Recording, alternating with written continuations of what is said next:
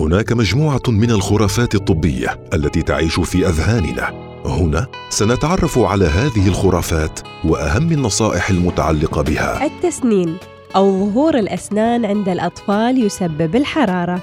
ما مدى صحة هذا الكلام؟ خلونا نتعرف على التفاصيل. خرافات طبية مع سميرة الفطيسيه نقاش قديم ومستمر بين الأطباء والأمهات وطبعا كل طرف يصر على رأيه. ويتهم الطرف الآخر. الأمهات يقولن للأطباء اسأل مجرب ولا تسأل طبيب. والأطباء بدورهم يتهمون الأمهات بعدم تصديق العلم والطب الحديث. لكن خلونا نعرف مستمعينا مع تسنين الأطفال هذه المناقشة العلمية والموضوعية عشان نوصل للحقيقة. ما لا يعرفه البعض أن أسنان الطفل تبدأ بالنمو وهو ما زال في الرحم بحيث تتشكل البراعم تحت اللثة.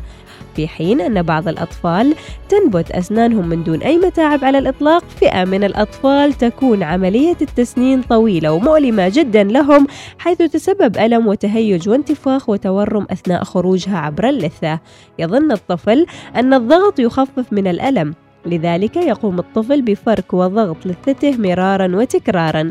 كذلك تلاحظ الأم أن عملية الرضاعة وشرب الحليب تقل كثيرا وسبب ذلك أن عملية المص تزيد من تدفق الدم إلى الأجزاء المتورمة مما يجعلها ذات حساسية شديدة. وهذا هو سبب رفض بعض الأطفال الرضاعة بشكل مؤقت عندما يمرون بحالة التسنين.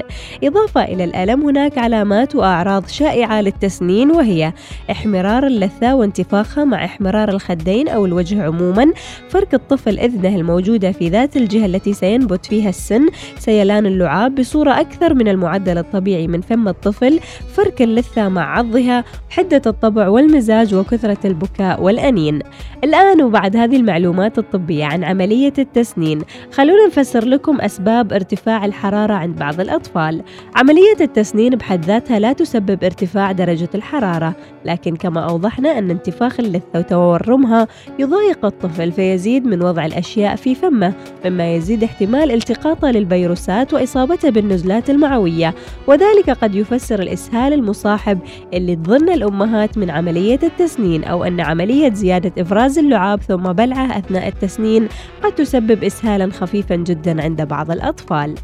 إذا الحقيقة العلمية تقول طبيا عملية التسنين عند الأطفال لا تسبب ارتفاع درجة الحرارة أو الإسهال. خرافات طبية مع سميرة الفطيسية يوميا في الأوقات التالية. الواحدة وعشرين دقيقة الخامسة وأربعين دقيقة السابعة وأربعين دقيقة.